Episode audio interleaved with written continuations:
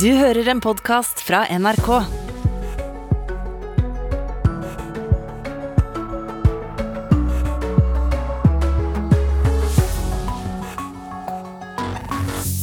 Riktig god morgen. Det er fredag 15.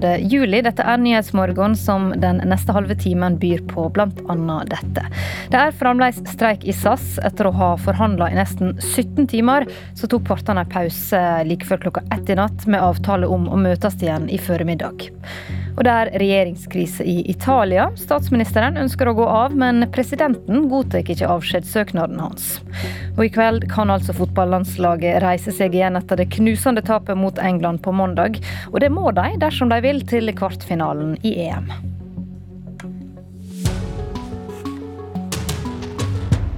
I studio Katrine Nybø.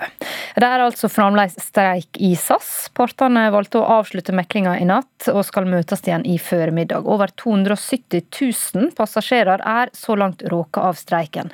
Reporter Tor Albert Frøsland, hva vet vi om hvordan det går med forhandlingene? Det er jo fortsatt avstand, det må vi kunne klart si. Men eh, de forhandlet jo helt frem til klokken ett i natt. Og det i seg selv er jo da positivt. At partene er i samtale, det gir jo et visst håp. Ifølge forhandlingslederen for SAS, Marianne Hernes, så har forhandlingene bølget litt frem og tilbake. Og da de gikk fra hverandre i natt, hadde det gått litt tilbake, ifølge Hernes. Det er jo stor avstand fortsatt. Og nå har vi sittet i nærmere 17 timer og forhandlet, så nå har vi behov for å sove litt. Det har gått litt fram og tilbake, egentlig, og nå vil vi litt mer tilbake, kan man vel trygt si. Situasjonen er som Altså, det er komplekse ting. Det er vanskelig å finne en enighet eh, på de viktige punktene for begge parter. Partene holder eh, kortene tett til brystet, og de vil da altså ikke kommentere på innholdet i eh, forhandlingene. Men riksmekler Mats Bruland sier i alle fall at det er en rekke spørsmål som er viktige for begge parter, som må løses for å få til en enighet. Og de spørsmålene er ikke løst. Det er en totalitet som må løses, og den er ikke løst, kan jeg si. Det er en rekke spørsmål som er viktige for begge parter som er brakt inn i meklinga her, og de må løses for at man skal ha en enighet. og De spørsmålene er ikke løst ennå. Så har det vært jobba godt gjennom dagen, men vi har sittet lenge, og det er ingen tvil om at det er vanskelig. Det er en veldig komplisert mekling. Det berører, berører tre land, fire foreninger, tre ulike lovverk. Men har noe overhodet rykket seg i løpet av i dag? Det har de. Partene er nærmere hverandre enn det noen gang har vært. Ruland har like fullt et ønske om økt tempo i forhandlingene, og han sier at han ikke har vært borti en mekling som har tatt så lang tid som denne. Den har jo da faktisk pågått i hele fire uker. Ja, det er jo fredag og mange går kanskje ut i ferie i dag. Blir det en løsning nå før helga? Ja, Det er det dessverre ingen som vet. Eh, heller ikke partene, og ikke riksmekler. Men så lenge ingen har sagt at eh, de går fra forhandlingene, så er jo sånn sett alt mulig. Det er en stor utfartshelg denne helgen. Spesielt er det mange charteravganger som SAS skal fly. Og vi følger med. Det var klokka ti de skal møtes igjen. Takk skal du ha, reporter Tor Albert Frøsland. Og det er ikke bare streiken som har skapt trøbbel for reisende i sommer. Kofferter på avveie, eh, flere andre streiker og bemanningstrøbbel har skapt forsinkelser og innstilte reiser. Vi har spurt folk på gata om de tenker annerledes på reiser når de nå skal bestille flybilletter. Uh, ja, jeg gjør vel egentlig det. Jeg tenker vel litt mer på har jeg god nok tid hvis det skal bli noen forsinkelser. Skal, hvis jeg ikke får bagasjen min, hva skal jeg gjøre da? Så prøver jeg liksom å unngå kanskje de flyene som det er mest streik og alt sånt noe. Selvfølgelig. No, det har vært, som du nevnte, det har vært mye, mye rart der. Men, uh, men, ja, som du sa, er helt sikkert tenk om 100 ganger før jeg bestiller en billett. Ja, jeg ville kanskje tenkt litt annerledes. Men jeg ville kanskje vært litt obs på hvilke flyselskap jeg bruker. Nei, egentlig ikke. Jeg tenker at det finnes mange andre måter å komme seg hjem på hvis man først er stranda. Det finnes tog og det finnes båter og sånn, så man må jo ikke fly hvis man absolutt står fast. Det finnes andre måter å komme seg hjem på. Ja, helt klart. Jeg tar bare med meg håndbagasje. Det er kun det jeg gjør. Ja, jeg vil si det. At jeg vurderer de ulike flyselskapene opp mot hverandre i forhold til tillit. da. Ja, jeg må jo se mer på hva slags flyselskap jeg reiser med, og gjøre en liten sånn bakgrunnssjekk om eh, om de er i streik, om de ikke er i streik. Så man blir jo på en måte litt mer sånn obs på hvem man velger da, i forhold til hva man gjorde før. da. Nei, egentlig ikke, men jeg vil jo foretrekke et selskap som ikke er midt i konflikt. Skjønte at det kan være ganske smart, så nå har jeg dobbeltsikret meg med flybillett lørdag morgen med SAS og backup-billetter med Norwegian på ettermiddagen. Ja, og Streiken har nå pågått i elleve dager, og mange er nysgjerrige på hva dette vil si for flyselskapets framtid. Førsteamanuensis VBI BI og flyanalytiker Espen Andersen, god morgen. Um, god morgen. Um, Hvor mye har SAS tapt på denne streiken? De sier selv at de taper et eller annet sted mellom 100 og 130 millioner um, hver dag. Så ja, vi begynner vel å nærme oss halvannen milliard snart. Vil de kunne reise seg etter denne krisa, og i så fall hvordan? Selv om vi skulle få til en løsning nå, og det ser komplekst ut, og den kompleksiteten du ser er faktisk et av SAS' problemer. Det at de er fra tre land og ikke bare ett, gjør det jo ekstra vanskelig. Så er det slik at de litt kompliserte kostnadsstrukturene de har, og, de mange andre fagforeningene de skal forhandle med, gjør at de har, kommer til å ha høye kostnader, selv om de skulle få skikk på denne situasjonen. Hva vil skje med SAS nå? Vel, Først må de få slutt på denne streiken. Så er de nødt til å gå gjennom en Eller de har, de har signet opp for å ta en, en, chapter 11, som er en slags styrt uh, akkord. Rettslig styrt. Det er et amerikansk begrep som jeg vil tro er ganske godt egnet for å få et selskap gjennom en situasjon sånn som dette er. Sånn. Der er jo andre flyselskap som Flyr og Norwegian. Hva har de tjent på denne konflikten i SAS? Eh, vel, de har fått fylt opp flyene sine eh, så å si 100 eh, Nå skal det sies at i denne sesongen her sånn, så ville nok de hatt ganske mye trafikk likevel. Eh, men det er klart at den trafikken som de har fått, og den har de jo fått til fulle priser. Eh, så, så de har nok tjent eh, ganske solid på den situasjonen. Hva skjer med alle de som skal få dekka reisa av SAS dersom selskapet går konkurs? Det er jeg usikker på. Det finnes noe som heter Reisegarantifondet, som muligens dekker en del av dette, uten at jeg kjenner detaljene. Og Én ting er jo kostnadene, men omdømmet til SAS, dersom de kommer seg gjennom dette, her, er det i behold, eller vil, vil folk fortsette å reise med SAS framover? Når det gjelder feriemarkedet, så, folk, så, er folk som gullfisk. De, hver ny runde rundt bollen er en ny opplevelse. De har ingen hukommelse i det hele tatt. Det er den laveste prisen som gjelder. Så det er ikke noe problem. For forretningsmarkedet så er det sånn at et redusert tilbud fra SAS, supplert med at det er en hel del kanselleringer, gjør at det å fly blir mye mindre pålitelig. Og det kan gå utover forretningsmarkedet. Det er altså fremdeles streik i SAS. Partene skal møtes igjen til mekling klokka ti. Takk skal du ha, førsteamanuensis ved BI og flyanalytiker Espen Andersen. Den italienske statsministeren Mario Draghi ønsker å gå av. I går kveld så leverte han sin avskjedssøknad. Europakorrespondent Simen Ekan, hvorfor vil han gå av nå? Ja, Draghi vil gå av fordi han leder en stor og bred nasjonal samlingsregjering med alle partiene, bortsett fra aller ytterste høyre. Og I går var det ett av partiene i denne koalisjonen, Femstjernersbevegelsen, som stemte mot en stor hjelpepakke på uh, atskillige milliarder uh, som skal gå til italienske husstander. De stemte mot den fordi det var elementer i den pakken de ikke kunne godta. og Da mistet Mario Draghi, følte han, dette uh, brede, den brede støtten til hans regjering. Så selv om han kunne ha fortsatt og muligens fått et flertall blant andre partier i parlamentet, så leverte han altså inn avskjedssøknaden sin i går og sa dette kan jeg ikke forholde meg til lenger. Hvorfor vil ikke koalisjonspartneren Femstjernersbevegelsen støtte Draghi?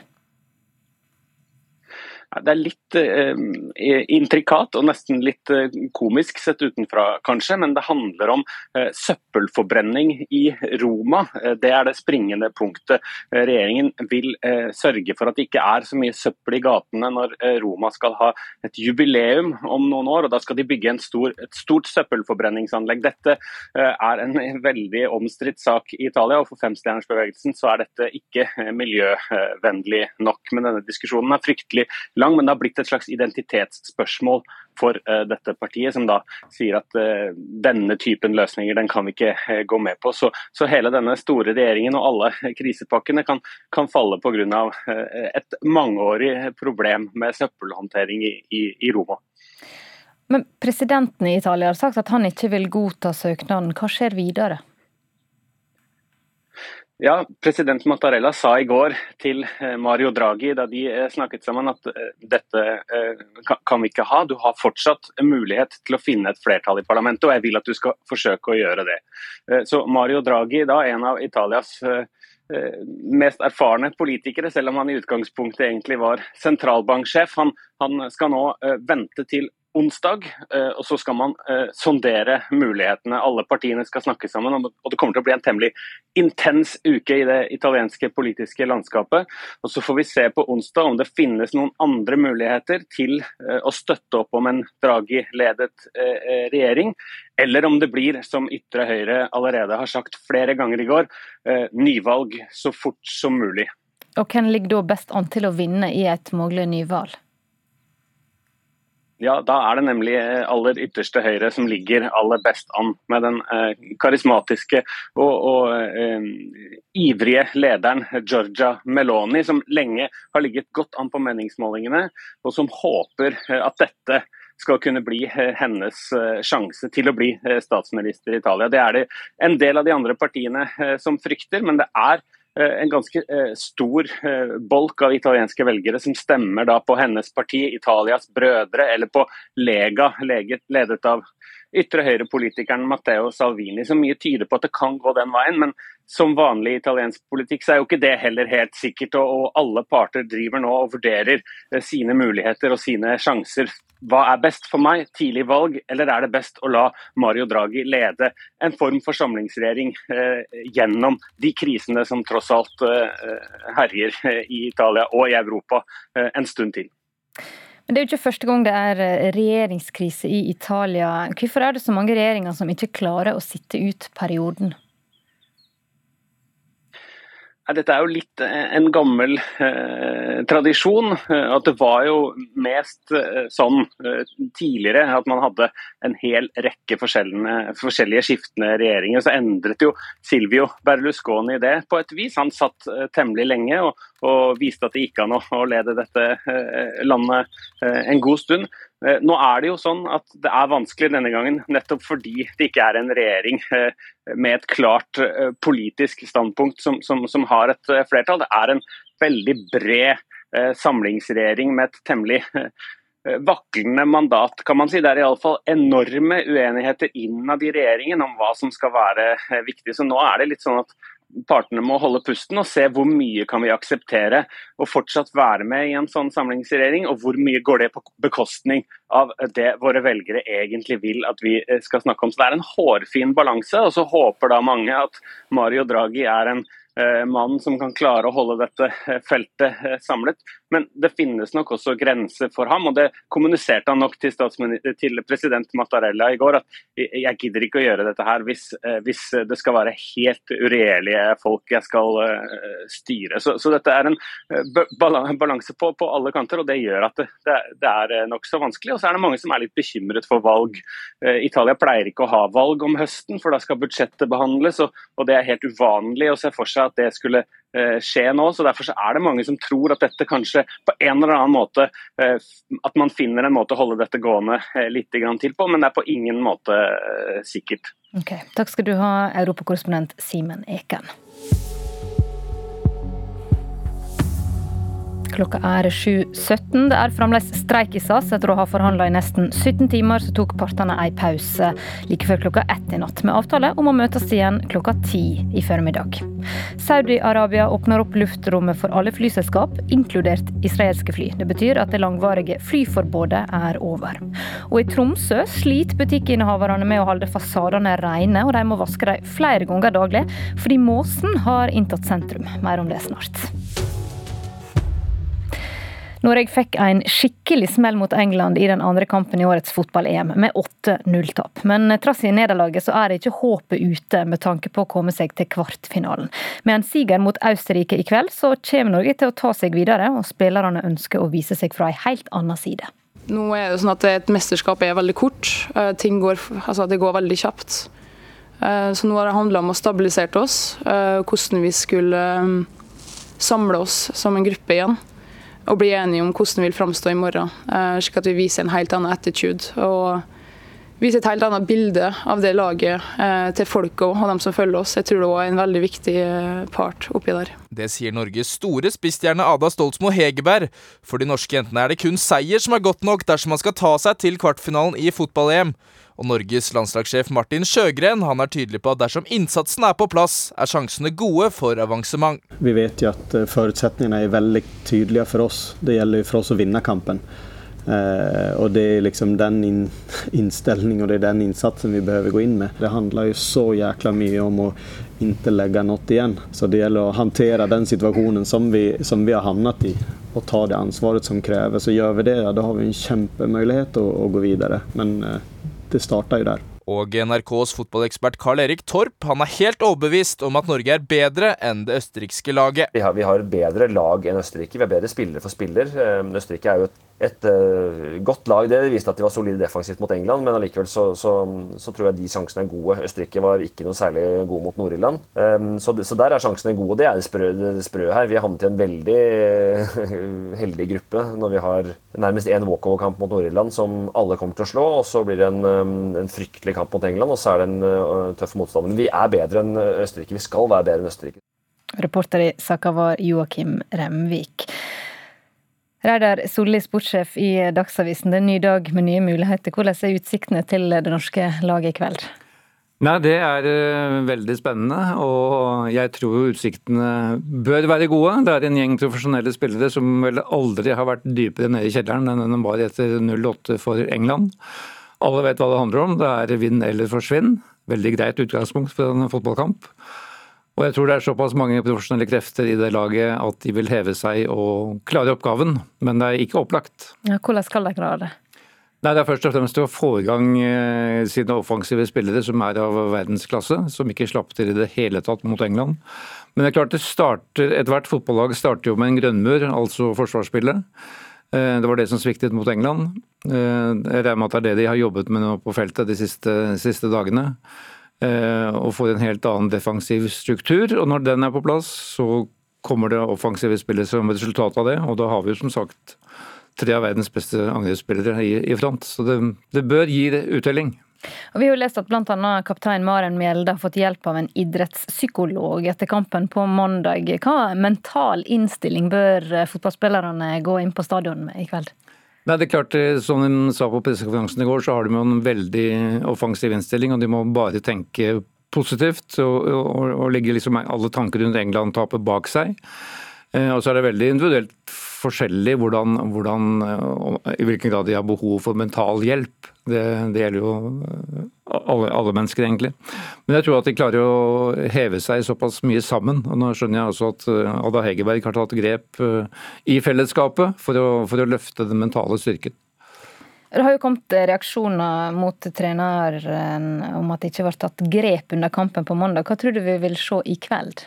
Jeg tror vi vil se et, eh, et mer samlet norsk lag eh, som, eh, som, vil ha ballen mye mer enn en Østerrike. Østerrike vil nok være bevisst på Norges situasjon og satser på kontringer og vet at det er et litt, litt livredd lag de, de møter. Men øh, i hvilken grad det vil bli foretatt grep fra benken Det, det er klart Martin Sjøgren fikk mye fortjent kritikk etter det tapet mot England. Og, men han er ikke alene på den benken. Han har støttespillere med seg. og De vil nok være mer på alerten enn denne var mot England.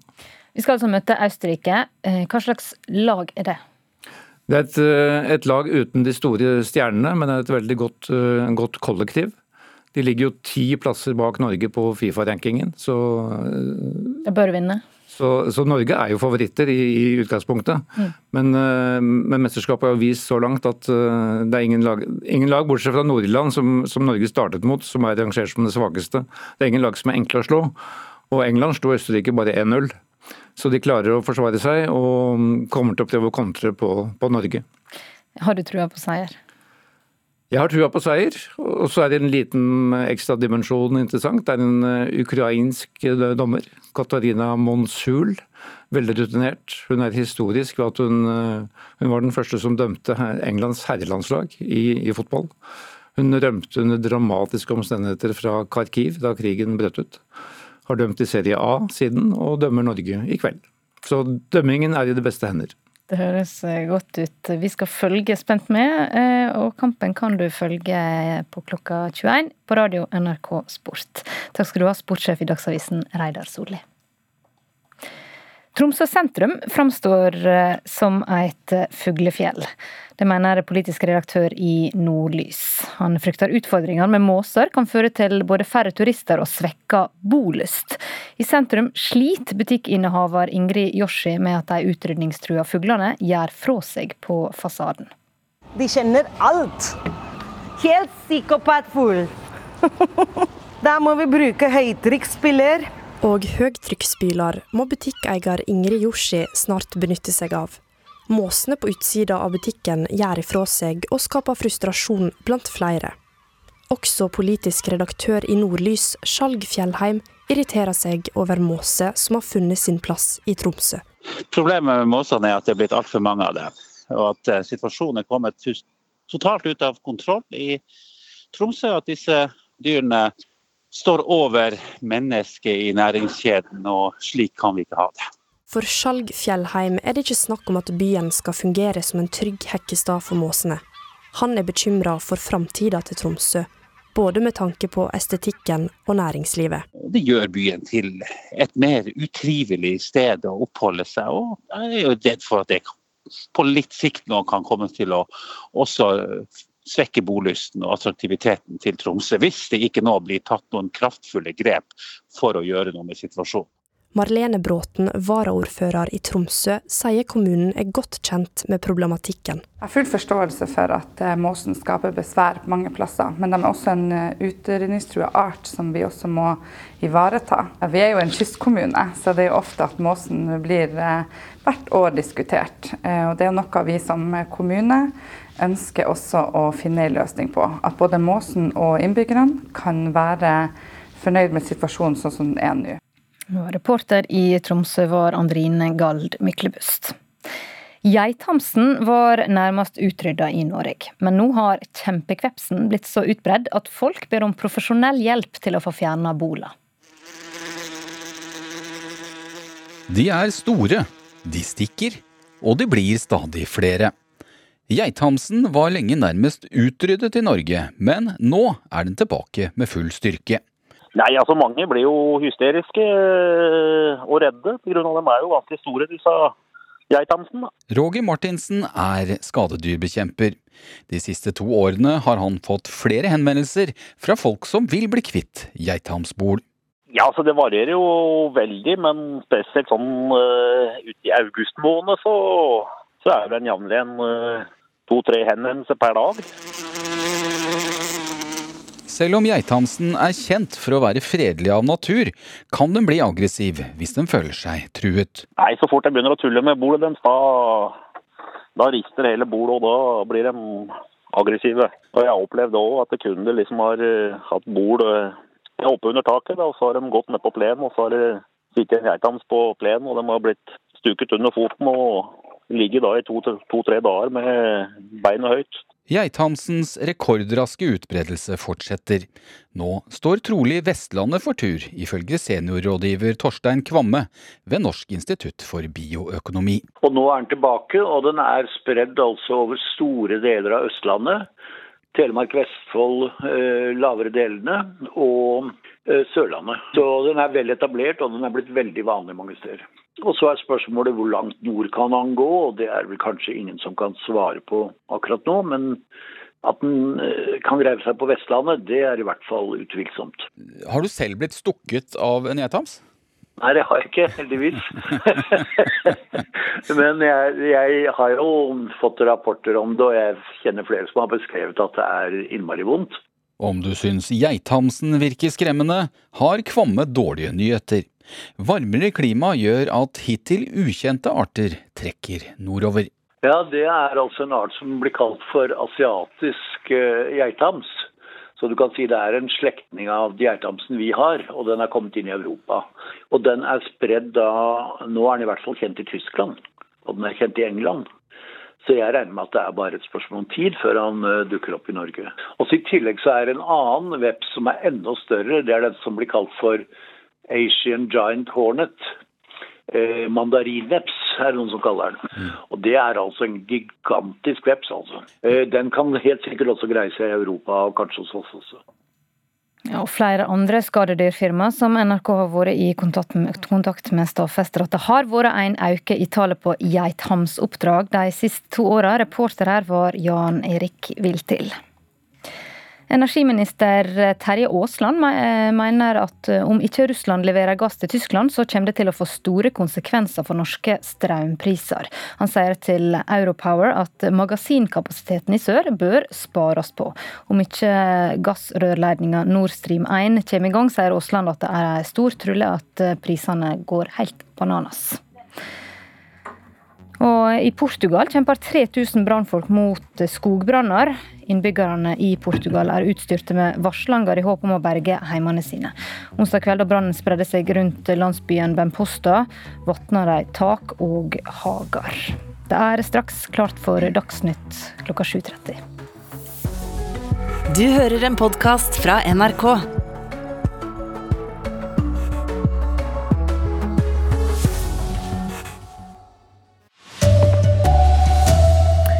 Fortsatt streik i SAS, men meglingen fortsetter i formiddag.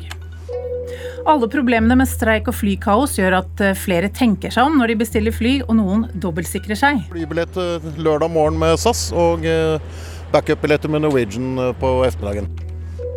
Og i dag er det vinn eller forsvinn. I kveld har Norge en siste sjanse til å ta seg til kvartfinale i fotball-EM. God morgen, her er NRK Dagsnytt. Klokken er 7.30. De fleste SAS-flyene står altså fortsatt på bakken. Etter å ha forhandlet i nesten 17 timer, så gikk partene hvert til sitt i natt, men med en avtale om å møtes igjen i formiddag. Og i dag er 175 SAS-avganger innstilt. Reporter eh, Tor Albert Frøsland, hva er det partene sier nå? Ifølge forhandlingsleder for SAS, Marianne Hernes, så har forhandlingene bølget både frem og tilbake i går. Eh, og da de gikk fra hverandre ved ett-tiden i natt, så hadde det gått litt tilbake, sier hun. Og det er fortsatt avstand mellom partene, hevder hun. Og det i og for seg bekrefter også flygerne, men de sier eh, og er fortsatt optimister. og De, de gir seg ikke, men samtidig vil de like fullt ikke kommentere på om det har vært bevegelse, eller hvilke punkt det eventuelt har vært tilnærming til. Representanter for flygerne sier det tar den tiden det tar. Og det kom altså ikke til en løsning i går kveld, og som du sa, de tar opp igjen forhandlingene i dag klokken ti. Men hva sier eh, riksmeklerne da? Den danske riksmekleren Claes Straat sier i alle fall at det er frustrasjon blant partene. Og det går på at det ikke har vært mulig å komme i mål. Men samtidig er alle parter fornøyde med forhandlingsklimaet, og at det har da altså vært gode relasjoner mellom meklerne og partene i en mekling som nå faktisk har pågått i en hel måned. Og det er ferie, og i tillegg så er det helg. Mange skal ut og reise. Og så er spørsmålet blir det en løsning? Ja, Det er det ingen som vet. Partene vet det ikke, Riksmekleren eh, vet det ikke. Eh, men det vi vet, det er at mange skal ut og reise denne helgen, og spesielt på, på charterferie. Og SAS står for en god del av de avgangene, og bare turoperatøren Apollo eh, har 25 000 passasjerer som er rammet av streiken. Takk skal du ha, Tor Albert Frøsland. Og så langt er flere enn 270 000 passasjerer rammet av denne streiken i SAS. Og streiken den er bare ett av mange problemer som eh, flyreisende har hatt i sommer.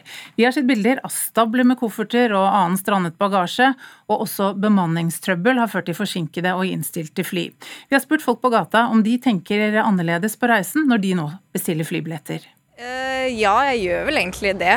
Jeg tenker vel litt mer på har jeg god nok tid hvis det skal bli noen forsinkelser. Skal, hvis jeg ikke får bedasjen, men hva skal jeg gjøre da? Så prøver jeg liksom å unngå kanskje de flyene som det er mest streik og alt sånt noe. Ja, helt klart. Jeg tar bare med meg håndbagasje. Det kun det jeg gjør. Nei, egentlig ikke, men jeg vil jo foretrekke et selskap som ikke er midt i konflikt. Skjønte at det kan være ganske smart, så nå har jeg dobbeltsikret meg med flybillett lørdag morgen med SAS og backup-billetter med Norwegian på ettermiddagen. Ja, jeg vil si det. At jeg vurderer de ulike flyselskapene opp mot hverandre i forhold til tillit, da. Og det var Håkon Nesse Morå som hadde tatt med seg mikrofonen ut. Den tradisjonelle barnevaksineringen gikk kraftig tilbake i fjor. Rundt 25 millioner barn i verden gikk glipp av rutinevaksinering mot sykdommer som eh, difteri og stivkrampe, mye fordi koronapandemien har belastet helsevesenet mer enn vanlig, ifølge Unicef og Verdens helseorganisasjon. Vaksinedekningen sank i alle verdensdeler, men nedgangen var størst i Øst-Asia og Stillehavsregionen, og de fleste av barna som har gått glipp av vaksineringen, bor i fattige land. Som eh, mange har fått med seg, Norge gikk på en skikkelig smell mot England i den andre kampen i årets fotball-EM, og endte med et begredelig tap og åtte mål mot seg. Men i kveld så har kvinnene en siste sjanse til å komme seg til sluttspillet. For hvis de vinner mot Østerrike, så blir det kvartfinale. Og laget ønsker å vise seg fra en helt annen side i dag. Nå er det sånn at Et mesterskap er veldig kort. Eh, ting går, altså det går veldig kjapt. Eh, så nå har det handla om å stabilisere oss, eh, hvordan vi skulle eh, samle oss som en gruppe igjen. Og bli enige om hvordan vi vil framstå i morgen, slik at vi viser en helt annen attitude. Og viser et helt annet bilde av det laget til folket og dem som følger oss. Jeg tror det var en veldig viktig part oppi der. Det sier Norges store spissstjerne Ada Stoltsmo Hegerberg. For de norske jentene er det vinn eller forsvinn. Kun seier er godt nok dersom man skal ta seg til kvartfinalen i EM. NRKs fotballekspert Carl Erik Torp mener Norge på papiret skal være bedre enn Østerrike. Vi har, vi har bedre lag enn Østerrike. Vi har bedre spillere for spiller. Eh, Østerrike er jo et et uh, godt lag. Det viste at de var solide defensivt mot England, men allikevel så, så, så, tror jeg de sjansene er gode. Østerrike var ikke noe særlig gode mot Nord-Irland. Um, så, så, der er sjansene gode. Det er det sprø, det sprø her. Vi har havnet i en veldig heldig gruppe når vi har nærmest én walkover-kamp mot Nord-Irland som alle kommer til å slå, og så blir det en, um, en fryktelig kamp mot England, og så er det en uh, tøff motstander. Men vi er bedre enn Østerrike. Vi skal være bedre enn Østerrike. Og du kan høre hvordan det går på NRK Sport eh, på radio klokken 20.45 i kveld. Reporter her Joakim eh, Renvik. Den norske livsstilen før pandemien har vært litt for breial. Det sier leder i Den norske Nobelkomité, Berit Reiss-Andersen, til NRK. Hun mener at det er en viktig endring etter pandemi og nedstengning at vi reduserer luksusforbruket med hyppige utenlandsreiser og restaurantbesøk. Det er jo ikke alt ved den norske livsstilen hvor vi syns vi hadde Hvor vi var kanskje litt breiale. Eh, forbrukte mye. Kjøpte mer og mer. Det var jo ikke alt som var sympatisk ved den livsstilen. Og det er en kritikk som i like stor grad er rettet mot meg selv som mot andre. Det vil jeg understreke. Lederen i Den norske nobelkomité, Berit Reiss-Andersen, er mest kjent for å være den som hvert år i oktober står utenfor dobbeltdøren på Nobelinstituttet i Oslo og forteller hvem vinneren av årets Nobels fredspris er, og hvorfor. Nå peker hun altså også på det hun mener kan bli en varig konsekvens av år med pandemi og nedstengning, nemlig reduksjon av forbruket. Dra av gårde på en utenlandsferie til Paris eller Roma flere ganger i løpet av et år er ganske vanlig. Spise ute på restaurant, kjøpe dyre klær osv. osv. Den livsformen tror jeg nok kommer til å avta. Og akkurat det er kanskje ikke det verste vi kommer til å oppleve. For det kan ha noen positive sider også, og dempe forbruket vårt. livet blir ikke noe dårligere. Selv om man må kutte ned luksusforbruket lite grann. Det mener altså Berit Reiss-Andersen, og hele intervjuet med henne kan du høre i Sommerkvarteret på P2 klokken 7.45. Reporter her var Eirik Ramberg. Saudi-Arabia åpner opp luftrommet for alle flyselskaper, inkludert israelske fly. Det betyr at eh, det langvarige flyforbudet er over, noe som blir sett på som et steg mot et bedre forhold mellom Israel og Saudi-Arabia, ifølge flere nyhetsbyråer. Og dette skjer samtidig med at den amerikanske presidenten Joe Biden besøker Saudi-Arabia i dag. Hjem igjen til slutt. I flere år har investorer pøst på med enorme pengesummer til strømmetjenestene, men nå er denne strømmen trolig i ferd med å snu, mener medieforskere. Oslo-politiet hva kan hjelpe meg? Publikumsfavoritten Beforeigners, som følger den rusavhengige etterforskeren Lars Haaland og den frittalende vikingkvinnen Alfhildir Engensdotter, har sammen med flere andre skandinaviske serier nylig forsvunnet fra strømmeplattformen HBO Max. Det skjedde rett etter at HBO annonserte at de vil kutte alle nordiske og flere europeiske originalproduksjoner som følge av pengesparing.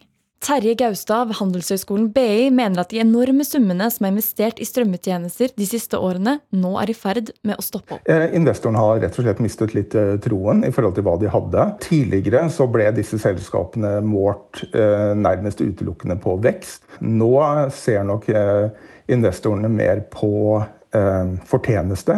I tillegg har renten og prisene på det meste gått opp i hele verden. Noe som i sin tur fører til at folk har mindre å rutte med. I Norge har vi dessuten lenge vært bortskjemt på tilgangen til strømmetjenester, og det kan se ut som at markedet her hjemme er mettet. Film- og serieforsker Gry Rustad synes likevel det er rart at HBO nå velger å fjerne serier fra plattformen sin. Oppskriften til en vellykket eh, strømmetjeneste, eller en suksessfull strømmetjeneste, er jo på den ene siden å ha de store snakkeseriene som tiltrekker seg nye abonnenter, eh, samtidig som man også ønsker å ha et stort bibliotek, sånn at man holder på de abonnentene man fremdeles har. Og reporter her var Ine Schwebs. Ansvarlig for eh, Dagsnytt eh, i dag er Anne Skårseth. I studio Marit Selmer Nedrelid.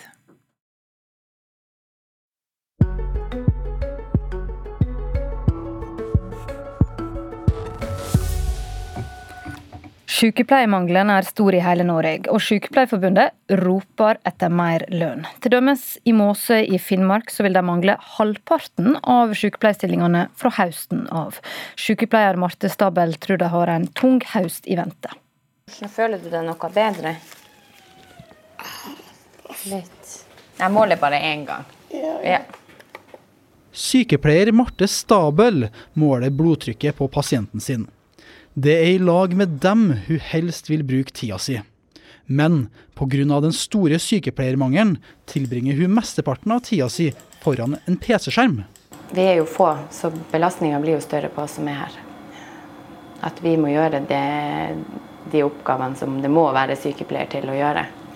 Og da får vi mindre tid til brukere, og får mindre tid til pasienter og mer medisin, telefon. I Måsøy kommune, der Marte jobber, skulle de egentlig være 17 sykepleiere. Men fra høsten av er de bare åtte. Kommunen sliter nemlig med å rekruttere nye sykepleiere.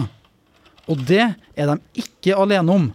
For i resten av landet mangler det nå 7000 av dem. Og ifølge Statistisk sentralbyrå vil det tallet øke til 28 000 innen 2035. Så eh, det er klart, det betyr jo mye mer belastning på de sykepleierne som er igjen. Stig Mathisen er leder i Sykepleierforbundet i Måsøy. Han er bekymra for dagens situasjon, men tror en høyere lønn vil hjelpe. Det må bli attraktivt å være sykepleier i, i Norge. Så er det ikke enkelt for, for, noen plasser, og spesielt ikke for de her småplassene sånn som Måsøy kommune og mange andre småplasser. Og det å klare å rekruttere kvalifiserte sykepleiere. Og for å kunne rekruttere flere sykepleiere, gikk forbundet til kommunen. De kom med en sak om at de ønska godt over 3 millioner kroner for å kunne øke lønna.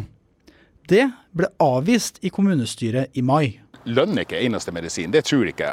Arbeiderpartiets Bernt Sjursen er ordfører i kommunen. Han tror at sykepleiermangelen er mer sammensatt enn kun lønna.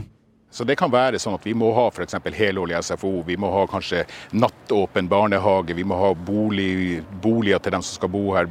Det er mange forskjellige løsninger på, på problemet, så det, det er nok sammen, mer sammensatt enn bare lønn. Ordføreren peker også på at det må utdannes flere sykepleiere for å minske konkurransen om dem. Altså, vi kan jo konkurrere hvor lenge vi klarer. Eh, men om man er interessert i å konkurrere Det er 7000 sykepleiere som man mangler. Eh, man konkurrerer kommunene seg imellom, man konkurrerer med sykehusene.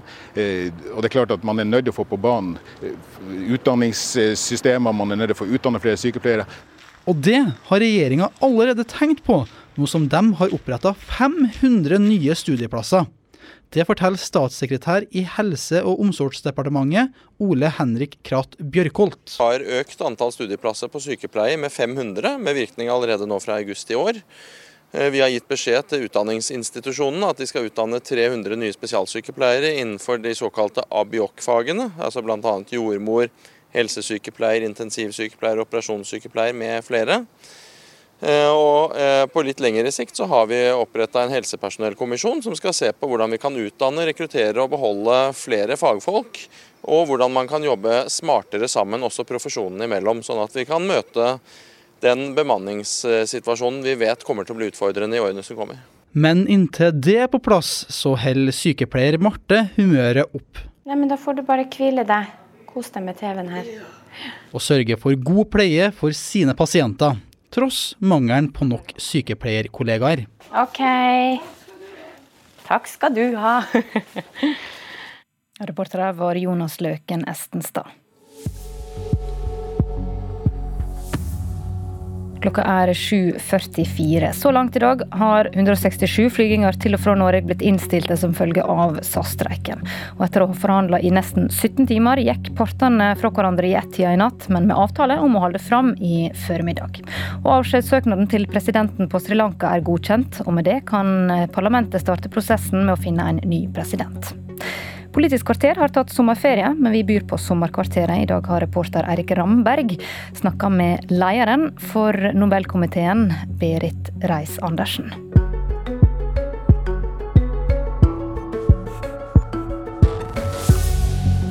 Navn? Berit Reiss-Andersen. Alder? 67. Stilling? Advokat. Leder av Den norske Nobelkomiteen. Hvordan påvirkes ferien din i år av pandemi og krig? Heldigvis er ferien min ikke veldig påvirket av pandemi og krig, men jeg har bestemt meg for at jeg iallfall ikke i løpet av juli reiser med fly. Jeg holder meg foreløpig i Norge. Flykaoset har vel en eller annen sammenheng både med pandemi og krig. Hvor var du 24.2 da Russland invaderte Ukraina? For meg var det en vanlig dag i Oslo på vei til jobb. For uh, ukrainerne må det, til tross for at de i lengre tid har levd i et anspent forhold til Russland, må det ha vært en sjokkartet dag Eh, og se at russiske styrker tok seg over grensene deres. Hvordan har krigen påvirket deg? Jeg har gjort meg mer pessimistisk. Eh, jeg, eh, har, jeg ser at fremtiden ikke er så lys. Jeg tilhører jo en generasjon hvor livet har hatt en fantastisk progresjon, og vi har hatt grunn til å tro at det blir bare bedre og bedre. Den troen er ikke like fast lenger. Jeg tror vi lever i en tid med mange kriser. Klimakrisen. Eh, sikkerhetspolitisk har Europa blitt snudd på hodet. Pandemien er jeg redd ikke er et engangstilfelle. Eh, økonomien eh, har bare mørke skyer på himmelen, kortsiktig. Jeg tror verden går inn i en eh, Vi må inn i en altså Jeg tror vi vil se en omstillingsprosess. Og dessverre må jeg si at tilværelsen blir nok ikke like sorgløs for mine barnebarn som den har vært for meg. NRK treffer Berit Reiss-Andersen på hennes kontor i Oslo, der hun jobber som advokat i firmaet Andenes Årløkken Veum, med dokumenter og notater spredt utover skrivebord og reol. Men det er som leder i Den norske Nobelkomité vi kjenner henne best, der hun står foran dobbeltdøren på Nobelinstituttet i Oslo hvert år i oktober og forteller hvem vinneren av årets Nobels fredspris er, og hvorfor.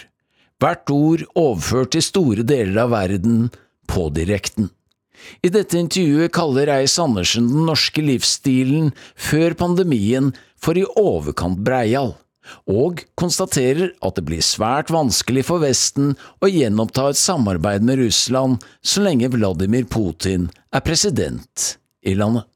Har krigen påvirket ditt syn på internasjonalt samarbeid? Grunnleggende har det ikke det. Men eh, internasjonalt samarbeid er i en krise. Det er ikke til å komme forbi. Og så er det ikke bare krigen som er årsak til altså Eh, det har vært krig og konflikt eh, vedvarende i verden de siste årene. Krigen i Ukraina har endret vilkårene for Europa dramatisk. Og for våre allierte.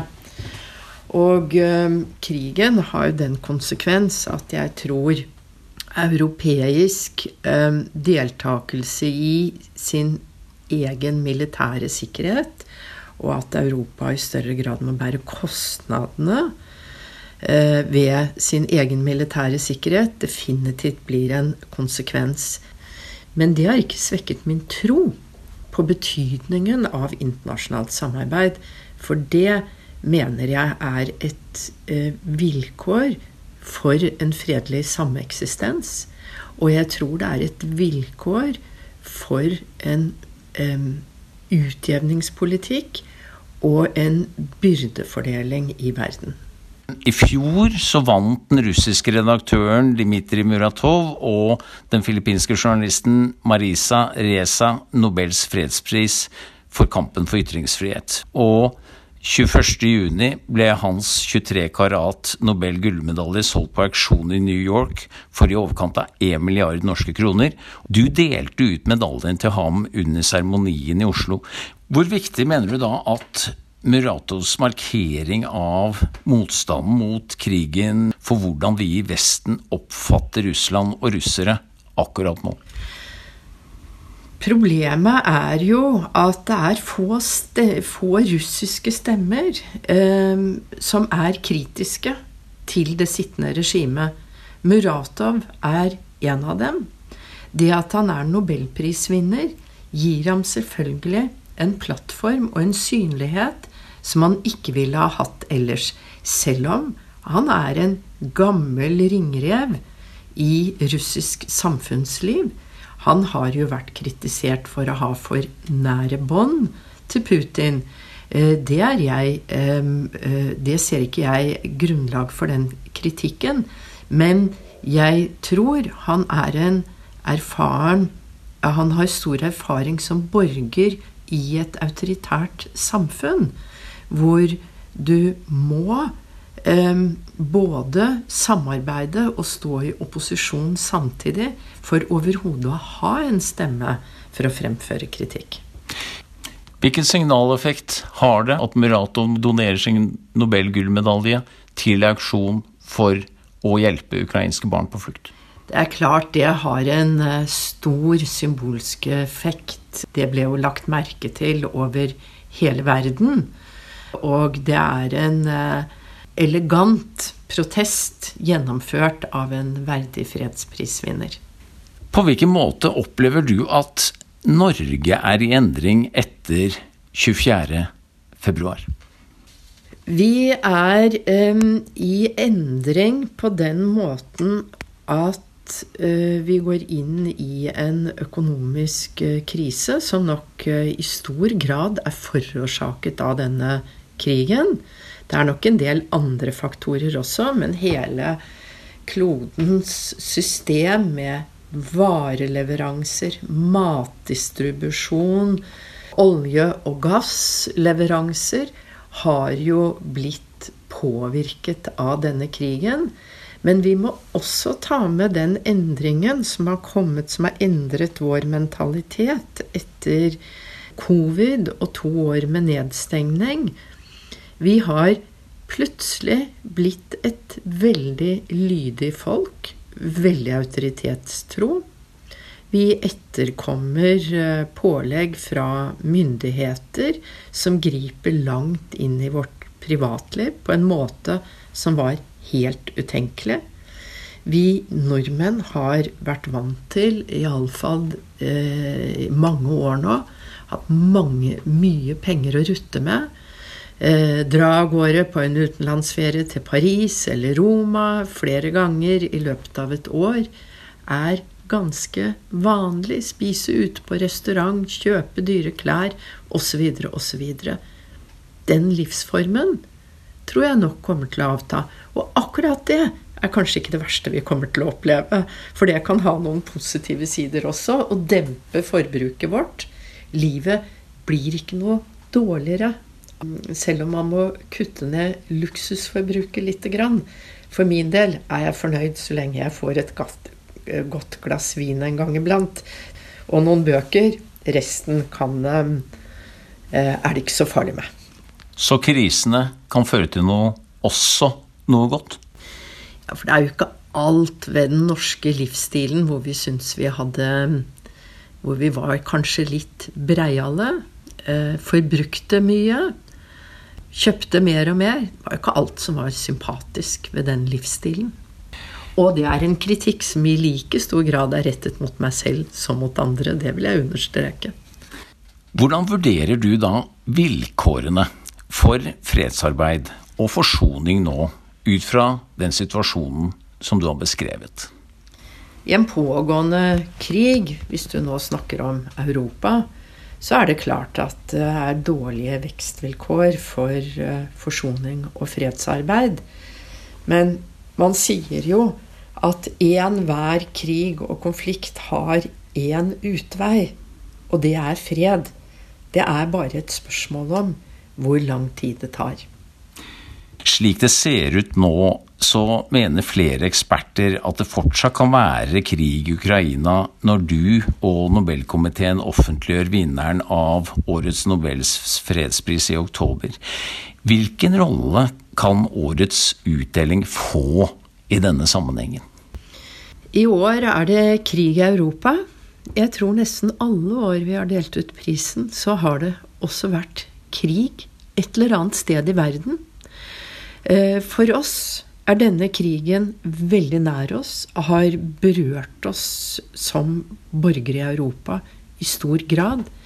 Men eh, når vi deler ut prisen, så skal vi ta i betraktning et globalt perspektiv.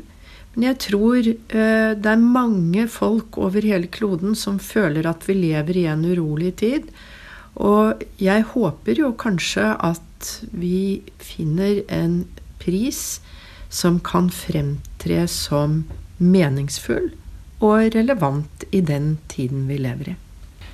Er du enig med dem som mener at det ikke er mulig for Vesten å gjenopprette et samarbeid med Russland så lenge Vladimir Putin er president i landet? Jeg tror det blir krevende.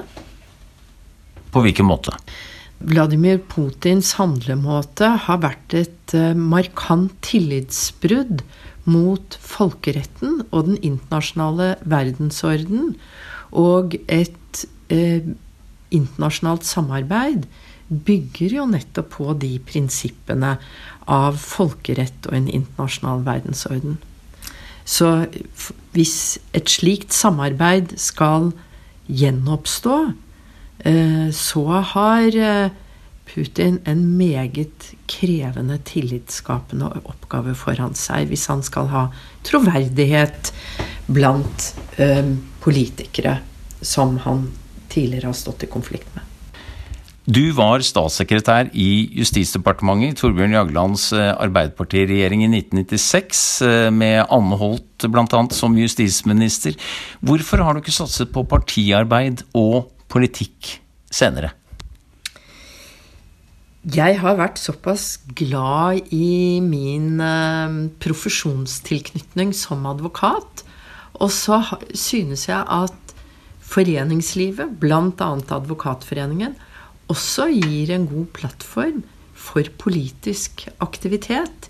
Jeg har kanskje vært mer opptatt av sånn litt større problemstillinger som rettsstaten, eh, frihet, likhet, den type ting, eh, enn det daglige politiske virket.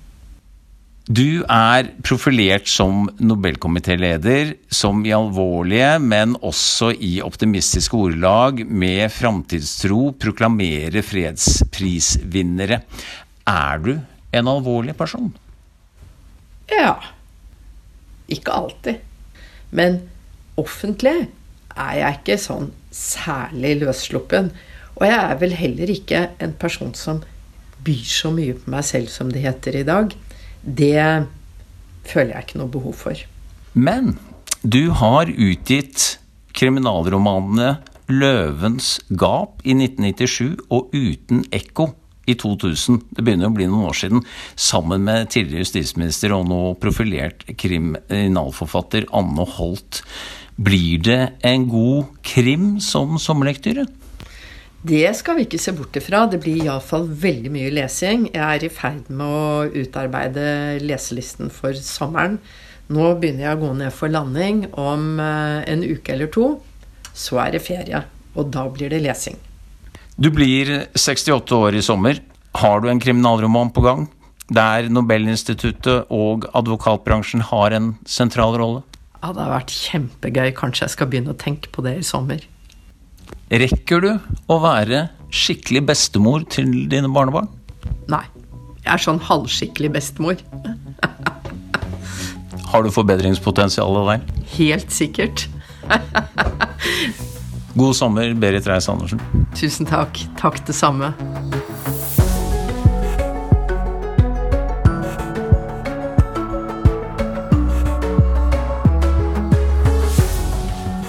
Du har hørt en podkast fra NRK.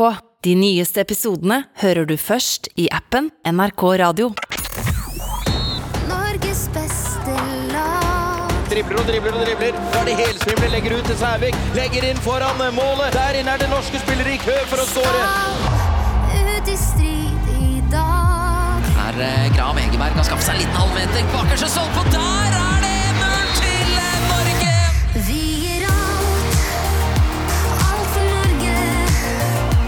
Vi gir alt for Norge. Følg det norske landslaget i fotball-EM 2022. Hør kampene direkte på NRK Sport.